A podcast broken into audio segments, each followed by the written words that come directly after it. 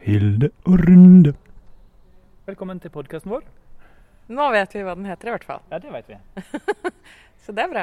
Hilde, har du vært på festival? Ja, jeg var på litteraturfestivalen på Lillehammer og fikk sånn overload av eh, sosial kontakt og eh, intellektuelt stimuli. Ja. Eh, så i dag er jeg litt introvert, egentlig. Å ja. Jeg nekta å dra på den festivalen, for jeg syns det var unødvendig å bli smitta to måneder før alle er vaksinert. Ja. Ehm, så nå prøver jeg å sitte litt langt unna Hilde, fordi det kan jo være For du tror det bare popper masse korona ut av meg? Det er rett og rimelig. Ja. å tro. Nei, Samtidig så er det bare masse forfattere. De har ikke møtt ei sjel. Ingen av de menneskene jeg møtte, hadde møtt noen.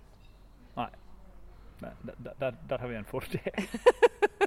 ja, hva du gjorde på festival da? Var du invitert som gjest? Nei, nei, nei. Selvfølgelig ikke. Jeg var bare en, jeg var på et kritikerseminar hvor vi snakket om moralisme i kritikken og om identitets... Veldig mye om ident identitetspolitikk. OK. Ja. Uh, og det var jo to tydelige sider der. Den ene eh, Nå overdriver jeg, men den ene snakket jo litt om eh, hvordan identitetspolitikk er et resultat av postmodernismen, f.eks. Som eh, gjør alt relativt, og plutselig så er det bare ditt eget perspektiv som gjelder. Oh, ja. Ikke sant? Da er du er sentrum i ditt lille univers, og det er dine behov som gjelder. Det er liksom kjernen. Eller et utgangspunkt for identitetspolitikk. Hvor den andre siden jo påpekte ganske riktig at eh, vi har jo liksom fått økende demokrati, som igjen har betydd at folk som har vært undertrykt, har kunnet si fra. Ja. Og det er jo kanskje sånn jeg ser det, da. At eh, Black Lives Matter er ikke bare en oppløsning av eh, store prinsipper. Det er, det er mest av alt at vi tar alle individer på alvor, da. ja.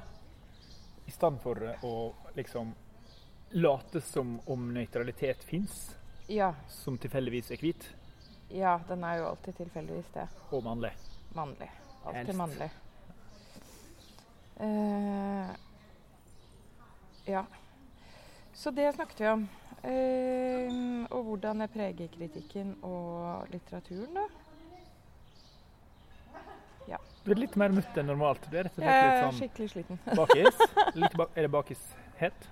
Eller er det bare Eh, nei, det var sosialt. Sånn, det var veldig mye sosialt, da. Det var ikke alkohol involvert i denne festivalen? Eh, det, jeg har hørt rykter om at det var alkohol der. Ok, ja.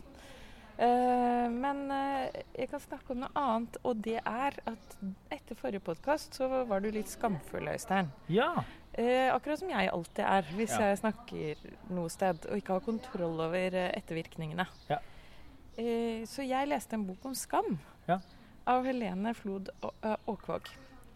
Og hun er også kjent som Helene Flod, som har skrevet eh, eh, en kjempebestselger. Eh, og som kommer med en ny eh, psykologisk thriller nå om et par uker. Ja, Flod skrev en sånn psykologikrim med to psykologer Ja, 'Psykologen' heter den, og så neste bok nå heter 'Elskeren'. Ja. Men før den kommer, så kan man godt lese den boka om skam, for den er skikkelig, skikkelig bra. Men det er faglitteratur? Ja, det er faglitteratur. Eller sakprosa, da. Som Ja. det heter. det er hennes forskningsfelt. Det er dette hun kan aller best. Skam. Ja, skam. Hun har Åh. forska på skam. Så eh, du skjønner det, Øystein, at skam er jo en av dørene til ensomhet, og en av dørene ut av ensomhet. Eh, fordi skam er en veldig nyttig følelse som gjør at vi prøver å tilpasse oss fellesskapet. Og det er bra, da, for da Ja. får vi jo venner og sånn. Så det er fint å skamme seg litt. Ja. Eller ha den mekanismen i seg. Men eh, et av kjennetegnene ved skam, hvis du går med det litt for lenge, er jo at det bringer deg inn i ensomhet. Du skammer deg så mye at du ikke tør å snakke med andre folk. Eller setter opp en fasade mot andre folk. Ja. Så nå kan du velge, Øystein. Hva vil du bruke skammen din til? Fasade, fasade, fasade. Hilde og Runde, et underholdningsshow uten noe dybde.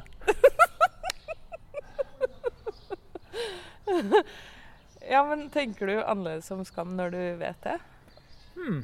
Eh, nei, det høres jo konstruktivt ut. det. Det er jo, det er jo et sunnhetstegn å skamme seg litt. og Da dobbeltsjekker man liksom hvor, hvor ille har det vært. på en Ja. måte, Hvor drøy har man vært. Ja. Det som er litt ubehagelig med skam, er at du ofte tenker at 'jeg gjorde det, ergo er jeg en dårlig person'. Ja. Og det er ikke sånn veldig konstruktivt, da. For du kan jo gjøre dumme ting, og det har ikke noe egentlig med personligheten din å gjøre, da. Nei. Um, ja, men det er fort at du, du bare du blir til at det er du som er den personen som gjør Ja. de skammelige tinga. Ja. Sånn som å spise kjøtt, for Ja. eksempel. Kjøttskam. Du har mye kjøttskam. Litt kjøttskam. Jeg har en veldig god venn som er veldig veganer. Som Ja. gikk fra å være veldig bacon- og fleskesvær fleskesværinteressert til Ja. å bli ekstremt vegansk. Ja.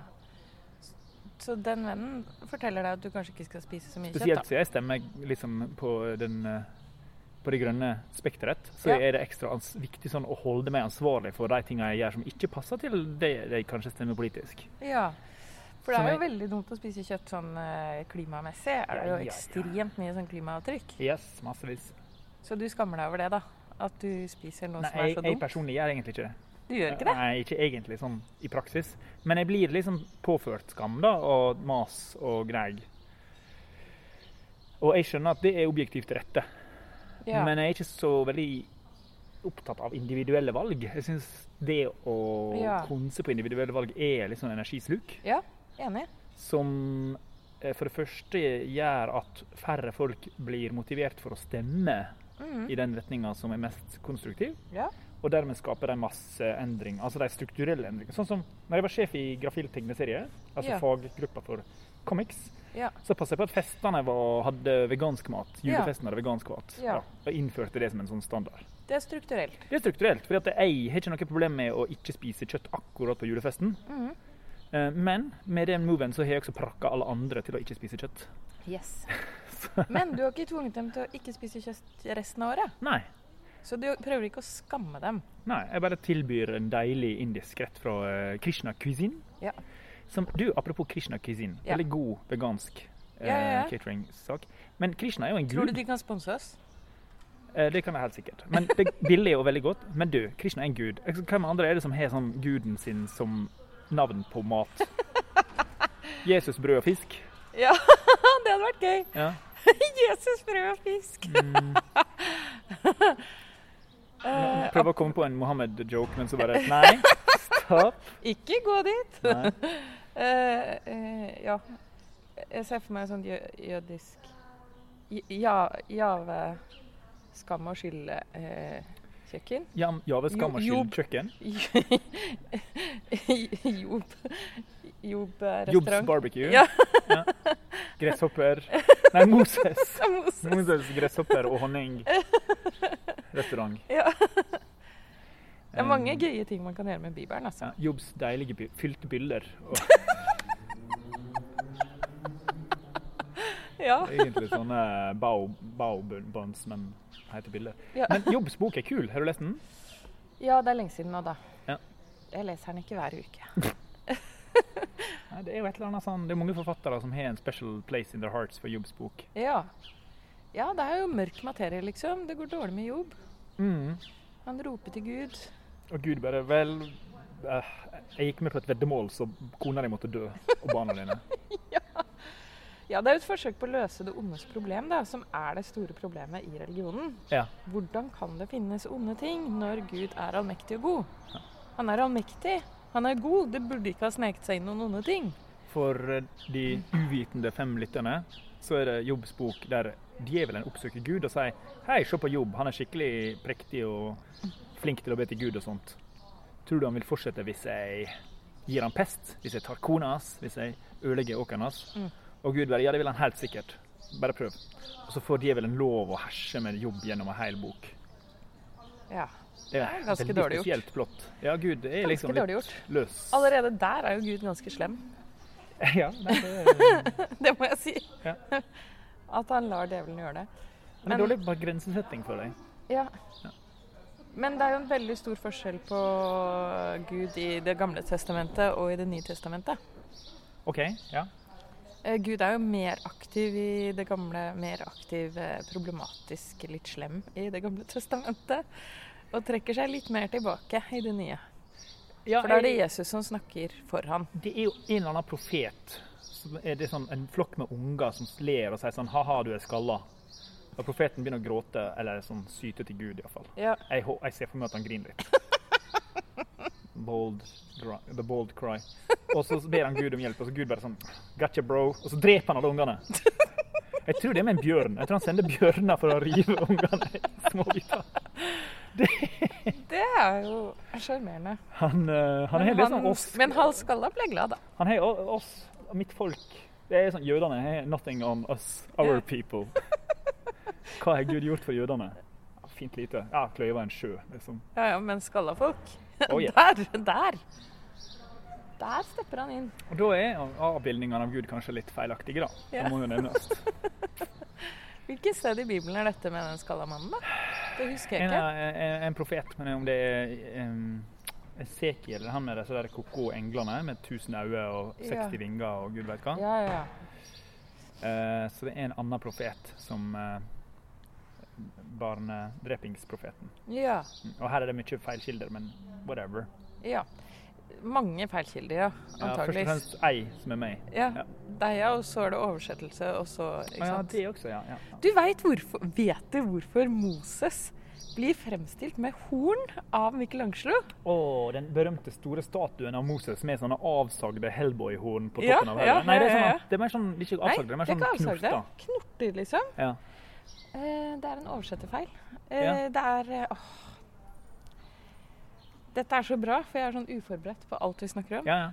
Men det er vel oversettelsen fra gresk til Gammelgresk Nei. til Det er jo ikke på gammelgresk, det skreves på arameisk først. Nei. Ja, det skrev på arameisk, og så til gammelgresk. Men Ja. Michelangelo leste jo ikke gammelgresk. Nei, så han leste en oversettelse til latin igjen, og Ja. der har ordet for eh, at det lyste rundt hodet til eh, Moses, det har blitt til at han hadde horn. Så det er ordet for eh, sånn lys kan også leses, hvis du leser det feil, som horn. Så da leste de det, og så Michelangelo bare OK, da hugger jeg horn her. Ja. Det virker rart. Det er jo ofte djevelen som har horn, da. Tenkte, ko- korrelerte djevelen med horn på den tida, eller var det liksom Nei, da, åpent, ikke- kanskje? Nei, ja, det var jo ikke Jeg vet ikke når djevelen fikk horn, jeg. For det står ikke i Bibelen at djevelen er horn. Nei, det tror jeg blir mer sånn uh, Gjennom uh, reformasjonen så blir djevelen mer uh, utmeisla. OK, i reformasjonen? Altså Ja. Luther? Ja, for det blir en mer aktiv, ond eh, figur, da.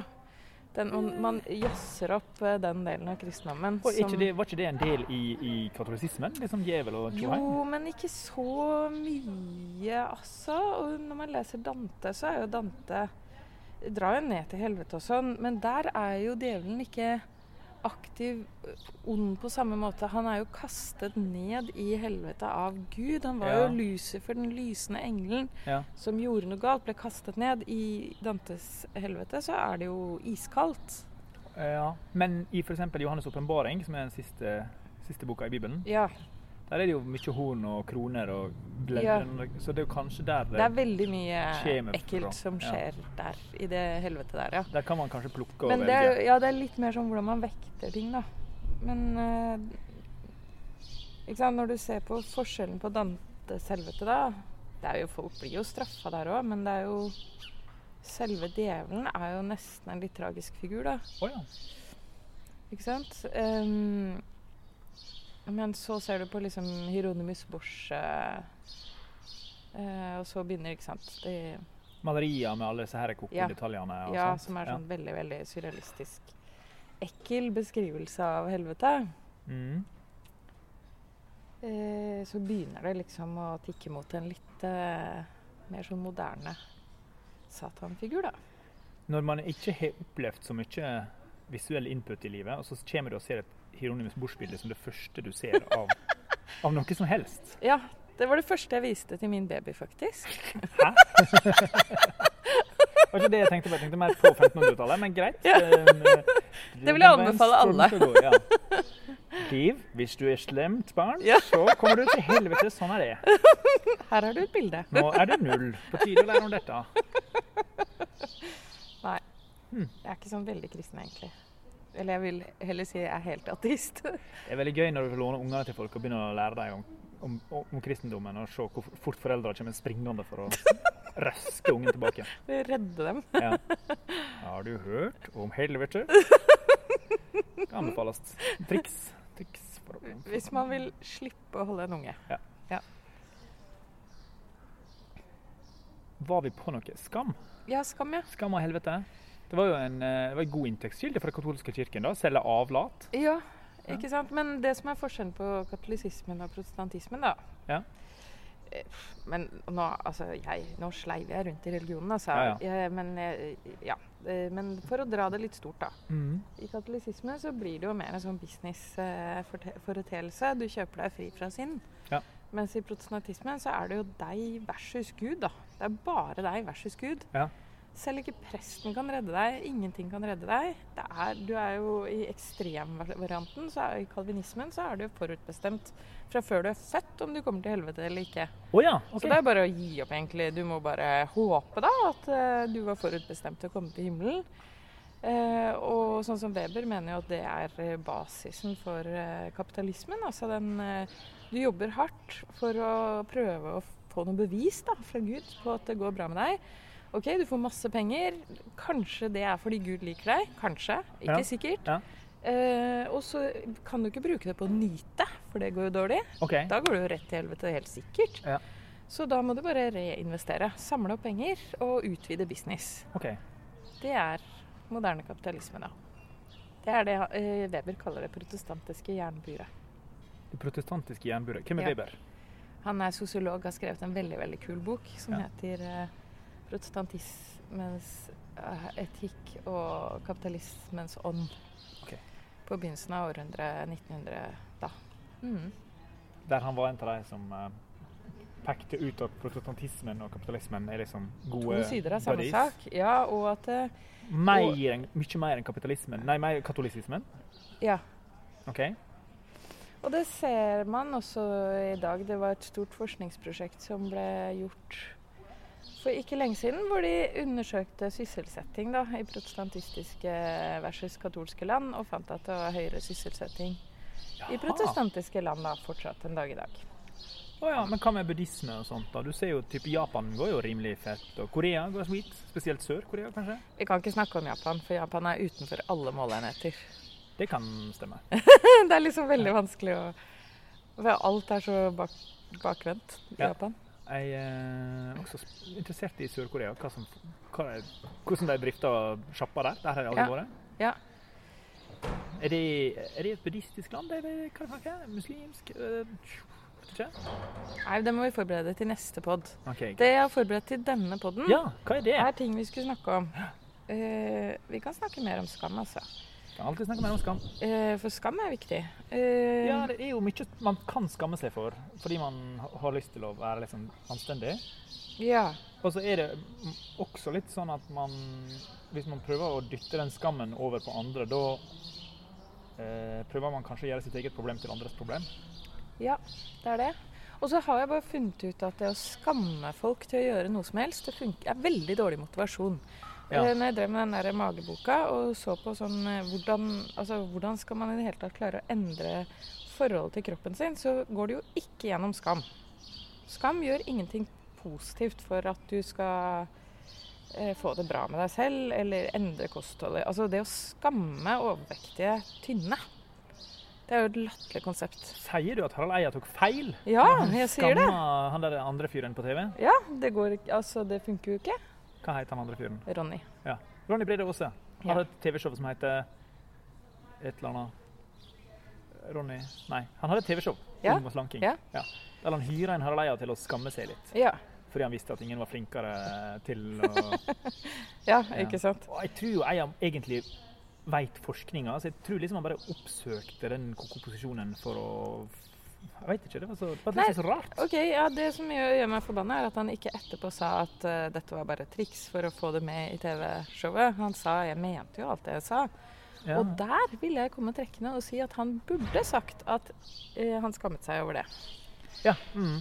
Uh, for det signalet han sender ut, er jo at det på en måte er greit. Og veldig mange av de holdningene er veldig aktive i samfunnet i dag. Ja, ja. Folk tror på det han sier. Og det var argumentet for å komme med det, var at dette er noe som folk syns og tror. Og når han sier det sånn, og uten å skamme seg over det, da blir det enda sterkere.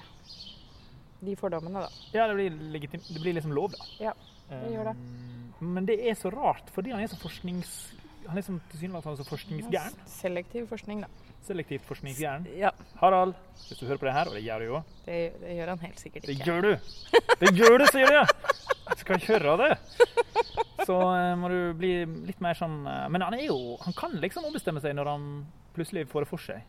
Men kanskje han ble skamma av deg så hardt at han ikke Han måtte være double down på sin opprinnelige posisjon. Ja. Kule Hilde Østby bare Shit, Hilde Østby er uenig med meg. Skammen vel, velter over. Og fasaden fra Skien eller hvor han er, der han var et ja. intelligent og mobba barn, bare kom poppende opp igjen som en berlinmur rundt den eierske sjel. Åh, det var vakkert formulert, da. Takk. Det var begynnelsen på en roman. ja, nei, jeg, jeg vil jo ikke at folk skal føle skam, da. Men eh, akkurat der tror jeg det er lurt å ha litt sånn eh, Ja, men den skammen Litt måtte kanskje være egenprodusert, på en måte. Og det er det som Ja. ikke skjedde. Den må Og så prøvde du å, å produsere den foran, og det Ja. hjalp heller egentlig ikke. Nei. nei, det blir bare verre av det. Ja. Jeg tror nok ikke å påføre andre folk skam sånn høylytt egentlig har noe for seg. altså. Nei, Og for synes... min egen del så har jeg brukt så, så jævlig mye av livet mitt på å Mm. slutte å skamme meg. Ja. For jeg tenker liksom stort sett at jeg er et dårlig menneske. Ja. Det er veldig lite som skal til før jeg tenker at alle hater meg. Ja, ja, jeg også har hatt litt sånn lett for å komme dit, da. Og forstått at det er liksom tegn på at du kanskje ikke er så dritt. Men det, sånn, hvis, jeg, hvis jeg da slutter med det, så er det jo klart, da er jo prosessen i gang med å bli en dritt. Tenker jeg. Ja. For da blir du psykopat? Ja, er det det du tenker? Ja, det, det tenker jeg at jeg går på et sånt fjellegg. Der Ja. eh, ene stupet heter liksom eh, 'knusende selvforakt for alltid'. Og andre stupet er liksom er det myrdefolk som står i veien på gata. Og så, Og det er veldig, kan veldig lett vippe fra det ene til det andre. Særlig når du har myrdet noen, og så får du masse ja, sånn, etterpå. Nei, jeg drepte noen igjen! Å, Å, jeg hater meg selv! Jeg er så slem! Å, jeg må hakke opp liket! Å. Å, nå ble barna hans triste. Å. Jeg var jo, jeg var jo intervjua en, en faktisk på en måte psykopat, biologisk psykopat. Ja, hvordan vet du? James Fallon. Ja, En professor i, på Orange County-universitetet som heter Ikke Orange County Irvine ja.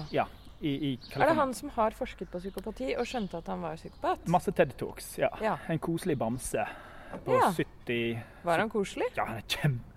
Tuller du? han serverte, han serverte gin og har fortalt om sånn forskningsgjennombrudd som ikke var publisert ennå. Oi, så Eh, kult, da. som, som jeg har liksom googla etter i alle de åra siden jeg var der hos han, og fortsatt ikke sett. Så kan han bare fant deg på. Ja. Det går ikke an å vite, fordi han er, han er veldig smart, men han er også liksom litt sånn Han er jo Litt psykopat, sånn da. slekk på fakta. Ja, Han bryr seg ikke. Han er gjest på min podcast Wunderdog. Den Ja. der vitenskapspodden. Tenk at du fikk snakke med han, da. Ja, ja, det var topp. Det var bra. Um, Men fortell om psykopater, da. jo, nei, uh, James sin bestevenn hadde jo nettopp dødd. Ja. Uh, og det var liksom helt chill for han da. Sånn, Ja. ja. da er han vekk. Det var ikke noe sånn Han ble ikke lei seg? Nei, det var sånn Han syntes det var litt sånn Han brukte det som eksempel på hvordan han er. Ja. Hvordan hans, altså Han veit at han er det, ja. og kona hans vet definitivt at han er det, og er glad i han, liksom. Og ungene hans og sånt. Og, og, og, og kona er vant til at han sjarmerer hvem som helst som kommer på besøk, og er bare verdens beste venn Ja. med dem. Og, så, og han er verdens søteste. ja. Ja, ja. Um, skrev blurb til stamcelleboka mi og Ja. sånne koselige Som er sånn raus og hyggelig. Og har liksom, han har liksom lite å tape. Han er professor, og han Ja. har hus og alt. Ja. Han, litt sånn. Men han er også gjest på podden, og han er nok den eh, Kanskje mm, Han sa et par ting på podden min som jeg syns var litt uh, Problematiske? Ikke, nei, ikke problematiske, men de, de tålte ikke faktasjekk. da. Han nevnte Ja. noen forskere på et eller annet sånn uh, spirituelle greier som bare er som jeg ikke tror på. da. Men det Ja. klart, Kanskje han bare er litt mer som California enn jeg er. da. Men de andre forskerne mine er nok mer sånn uh, vitenskapelig safe. Ja. Han er mer sånn ja, Det som er gøy, er gøy. Ja. Uh, veldig gøy. Så jeg fikk slammen han og en MMA-fighter som heter Jakob Løfstad til å snakke. Jakob er både eks-proff MMA-fighter og psykolog. Oh, ja, ja, ja. Så han er en eh, Han var mitt forsøk på å finne noen som var intens nok til å, til å ikke bli fullstendig kjørt over av James. Det gikk jo sånn passelig. Men hva lærte du om psykopati, da? Fortell. Um, nei, eh, det som er kult med James sitt foredrag på TED, Mhm. er jo at han på en måte både bekrefter at arv er veldig viktig, og, Ja. at, biolog og at miljø er veldig viktig. Ja, OK. Begge ting blir veldig på en måte bekrefta. For mora visste jo at det her, her har jeg fått en som er litt sånn som bestefar, eller hva det var, og når han var bitte liten. Og her må han bare pøses på med kjærlighet og lære empati, lære å oppføre seg hyggelig og Ja. lære og sånt. Ja. Og så jeg tok opp samtalen med meg og James med mobilen min Ja. mens jeg satt og ble fullere og fullere. Og utover kvelden så er opptaket basically bare meg som sier sånn James, James, James Det er altfor lite av det i denne jeg Why don't you just kill people? Well, I don't need to. I have everything I want. It's nothing to gain Ja, from it for me. Ja. There's nothing Så han har lært seg både at han, han vet at han er følelsesløs, Ja. og så opererer han ut fra det. Istedenfor Ja. at han ikke vet at det er noe godt med han, og tror at det er greit. Ja, nå husker ikke greiene og sånt, men han er ikke antisosial. Han er fryktelig glad i folk. Ja. Og voldsomt begeistra for selskap og, Ja. og kos, liksom. Han vil heller ha selskap enn ikke. Ja, så han er ikke Nå husker jeg ikke om det er det som er å være sosiopat, eller hvordan det der er. Du veit det? Eh, ja, det er jo glidende overganger. Nei, det er noe, men han er, ikke, han er veldig lite antisosial. Han er Ja. ekstremt folkekjær.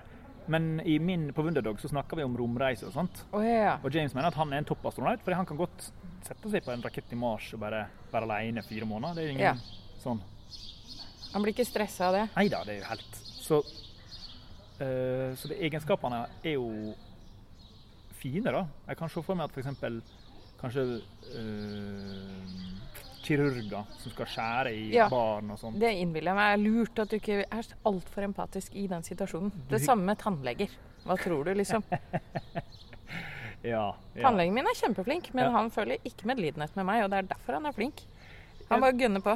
Jeg har en tannlege, Cecilie Gjære fra stamcelleboka mi. Ja. Hun er ekstremt eh, øm og varm, men Åh. hun digger jo å plukke ut visdomstennene mine også. Liksom.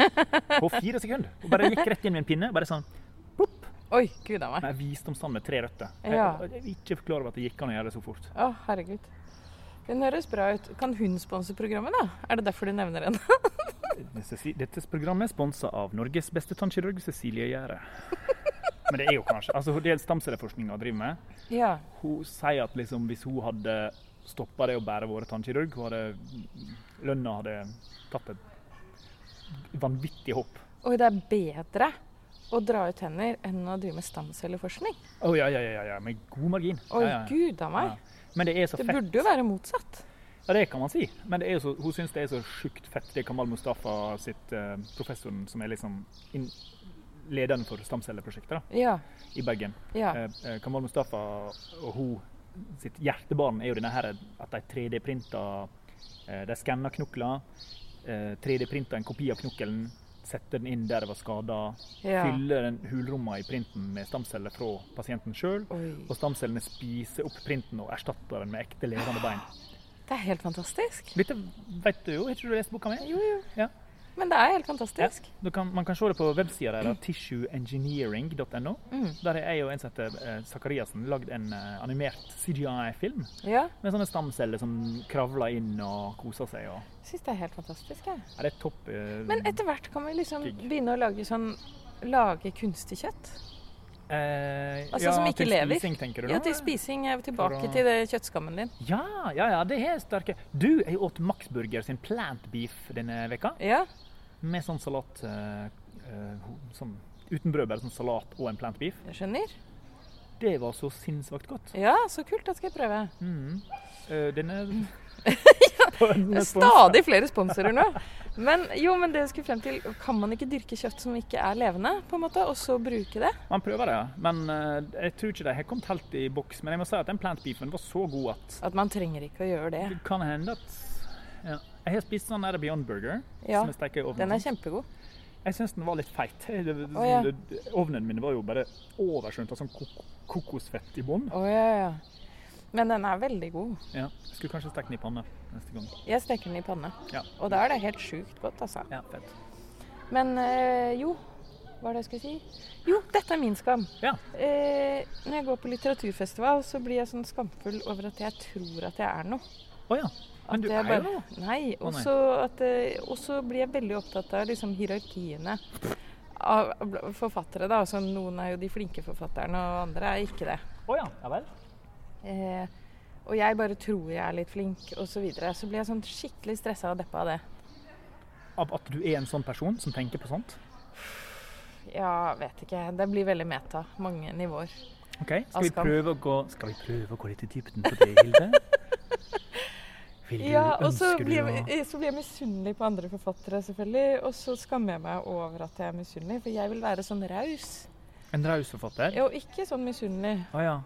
Jeg tenker jo på deg som en sånn raus forfatter fordi du er en av de kule forfatterne, men er venn med meg. Ja. Men, men jeg, jeg er likevel venn med deg. Ja, Tross alle, mot alle odds. Tross all det kjøttet Ja. du spiser. Hvor, Ja, mange, hvor, hvor mange burgere har du spist det siste døgnet? Tre. Er To, to av de er litt sånn små, da. Det som heter, som, eh, har et navn. Sliders. Å ja, OK. Sliders. Mm, Det var salg på en, et spesielt sted som ikke var sponsor. Så kjøpte jeg et lass med veldig billige, veldig gode burgere som jeg ikke skal Ja, uansett. Men du vet jo at det liksom gjennomsnittsforbruk av kjøtt for eh, en gjennomsnittsmann i Norge Ja. er 70 kilo i året? Det er nesten Ja, det er litt mindre enn meg, men det er likevel Du En tror du spiser mer enn det? Meg. Nei, nei, men jeg tenker på at, nei, at jeg er 85, kanskje. Å ja, sånn ja. ja, Jeg er litt usikker på pandemivekta, Vekta? vekta, egentlig. Men, uh, men 70 har jo jeg vært på. Jeg husker når jeg ble 70. Da var det sånn Wow, jeg er 70 kilo! ja.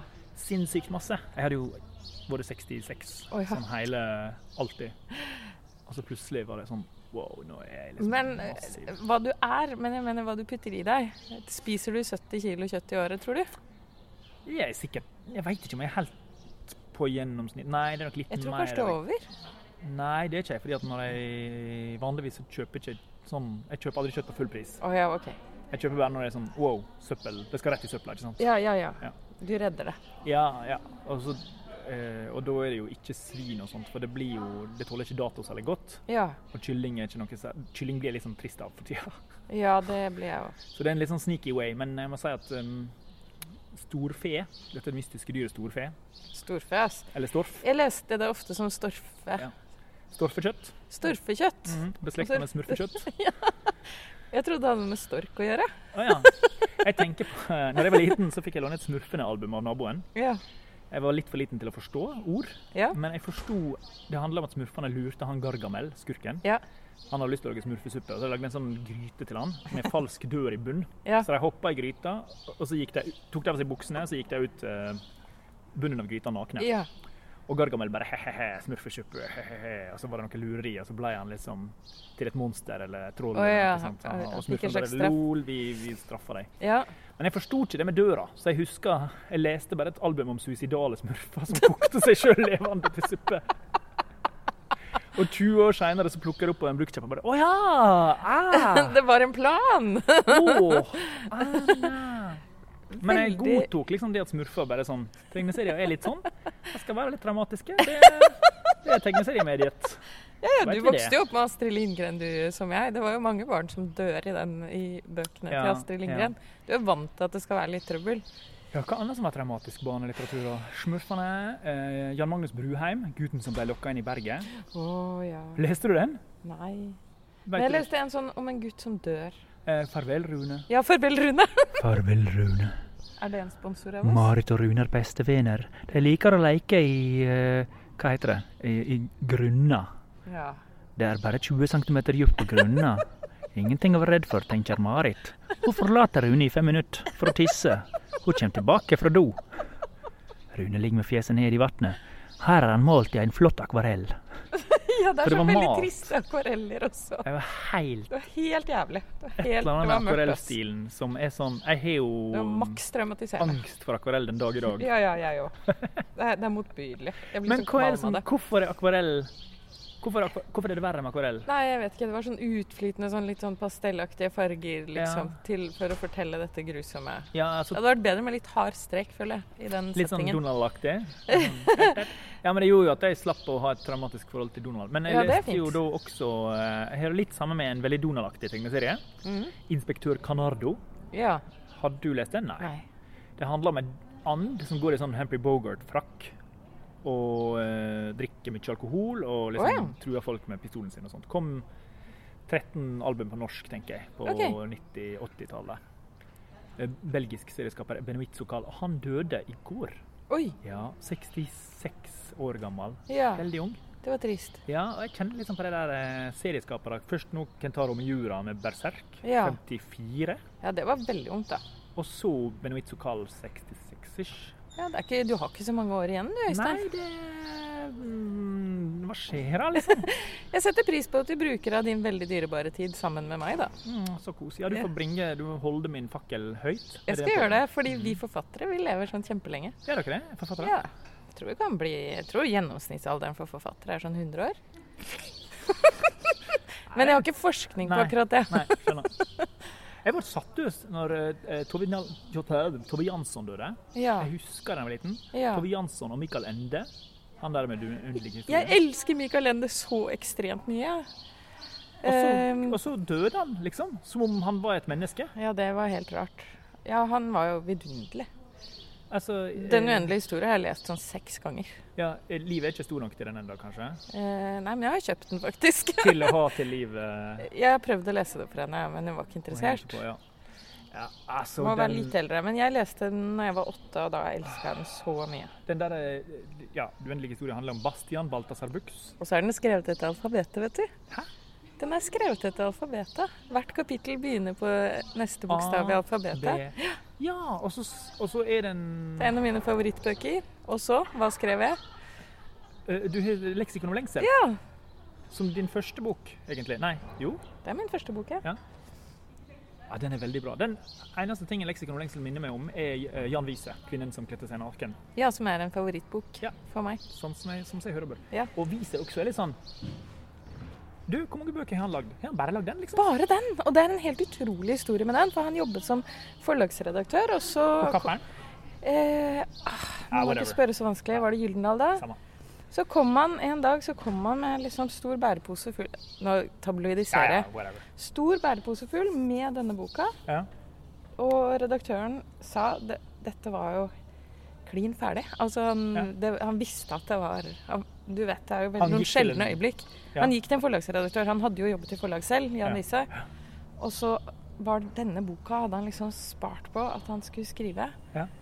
Da han sluttet da han ble gammel, da. For oh, gammel til å jobbe. Så det er den første og eneste boka han skrev. Oversatt til 20 språk og solgte 100 000 i Norge. Altså, og så skrev han aldri noe mer. Og så, Han var ganske gammel når han skrev den. ja. Tid har han dødd? Lise? Eh, Lever Nei, han er død, ja. Det er eh, Du spør så vanskelig. Det er jo, jeg er jo ikke faktaforberedt. Nei. Det er ti år siden kanskje han døde, da. Bo, ukens boktips. 'Kvinnen som kledde seg naken', 'Leksikon om lengsel'. 'Skam' av Helene Flod, Flod. Åkvåg. Ja. Den må alle lese. Da kan man lære litt mer om hva som bra, skam ganske bra med boktips her, altså. Ja, det hagler det, altså. Og så naturligvis hele fucking Michael Ende sin bibliografi. Alt. Absolutt. Også de voksne tingene. Voksenbøksene. Bøksene. Yes! Ja. um, de. heter veldig sånn- Frihetens fengsel. Ja, det er veldig sånn Borges-inspirert, føler Ja, jeg. ja. Men, men leksikon om lengsel også er jo Bor Borges. Ja, ja. Borges, altså. Borges. Guden. Jorge Luis Borges. Og Jan. Wiese er liksom Borges-ish. Ja, ja, absolutt. Men mer liksom salgbar da, enn Borges. ja, ja, ja.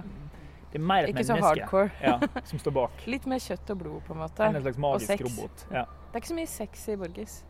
Det er null sex, vil jeg si. Dude, det kan du si, men du vet den boka som heter 'Man on Pink Corner'? Nei. 'Mannen på det rosa hjørnet'? Ja, Som bare handler om knivdueller. ja. Som sånn, Jeg leste den, og bare sånn hele Jeg har lest alt av Jeg digger Borg. Ja. Jorge Jorge Luis Borges. Borges. Jorge Luis Borges, eller. Jorge Luis Borges. som han heter med korona. Ja. Blind, eh, nasjonalbibliotekar i Argentinas hovedbibliotek Buenos Aires. ja. Um, modellen for uh, en av hovedpersonene i 'Rosens navn' ja, av bibliotekaren. Den blinde Den, den, bibliotekaren. eh, den blinde bibliotekaren der. Som bare heter Borges, tror jeg? Nei.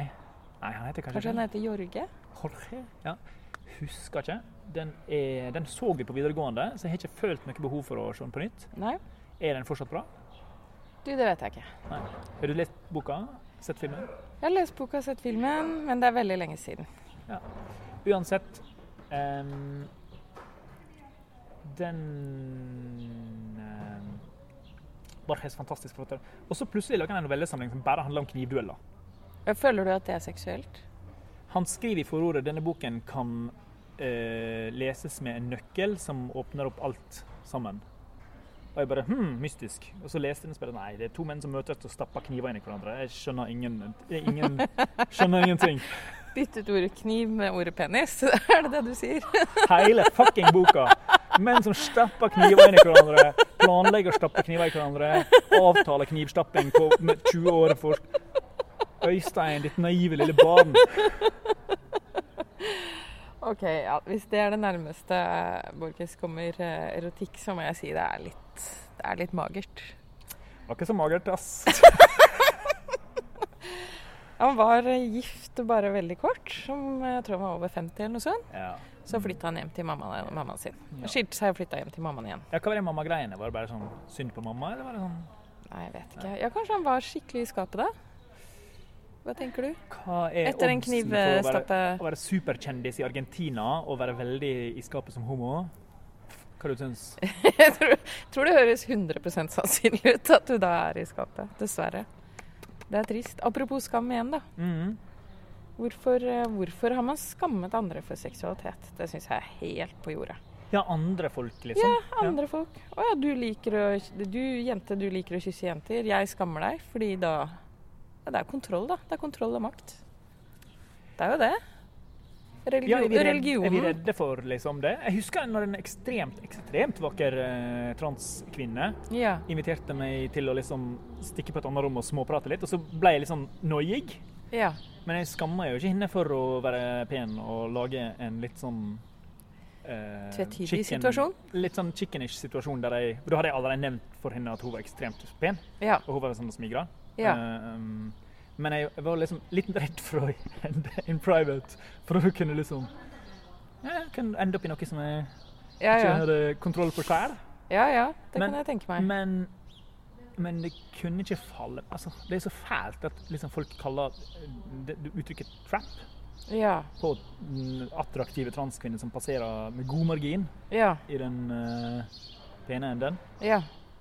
Um, det er så fucking stygt begrep, ass. Ja, det er det. Spesielt for det legitimerer all den volden som skjer. og alt Ja, det der greiene. Det er noe av det verste volden. Og og- og, det er jeg skammer, veldig- meg, jeg skammer meg litt over at jeg ikke på en måte um, en gang turte å være i samme rom. som- Alene, liksom. ja, som om, som om liksom det var Som om jeg hadde sjans at all, på en måte. ja, ja. Så det var en kompleks liten sånn flauhet. Ja, mye skam på Ja. mange måter. Ja. Um, det skjønner jeg. Men så homofob er jeg, ass. Det er ikke engang det Nei, det kan jeg skamme meg litt over. Men med denne litt komplekse greia, så er det nok for i dag. Er det? Ja, det er det. Men kommer du til å skamme deg over at du fortalte den historien da? Til neste gang? Nei, det, det går fint. Det går fint? Ja. Du får ikke angst? Vi har åtte lyttere. Ja. De fleste kjenner vi jo. Ha det godt, folkens. Alle åtte. Ha det, alle åtte.